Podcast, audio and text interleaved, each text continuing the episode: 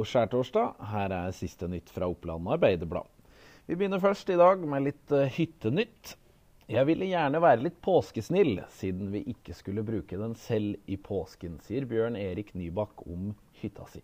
Han la tidligere i uka ut en melding på sin Facebook om at hytta hans på Beitostølen den kunne få lånes helt kostnadsfritt i påsken om noen ønska.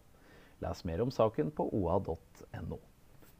Mange drømmer om å kjøpe seg hytte på fjellet. OA har sett på hva du kan få kjøpt for under 1 million på fjellet i Vest-Oppland akkurat nå. Se hele oversikten inne på våre nettsider. Få også med deg saken om en 18 år gammel fersk bilist som nå må parkere bil og klare seg uten førerkort det kommende året etter voldsom kjøring. Statens vegvesen var på tilsyn på Dokka MB Deler tidligere i år. Der avdekka de at det var noe teknisk utstyr som ikke var kalibrert riktig.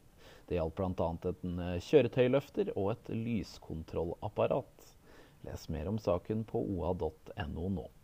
Og til slutt så tar vi med at det nå er en ny runde i OA sin påskekonkurranse ute. Hvor er OA-påskeegget i dag?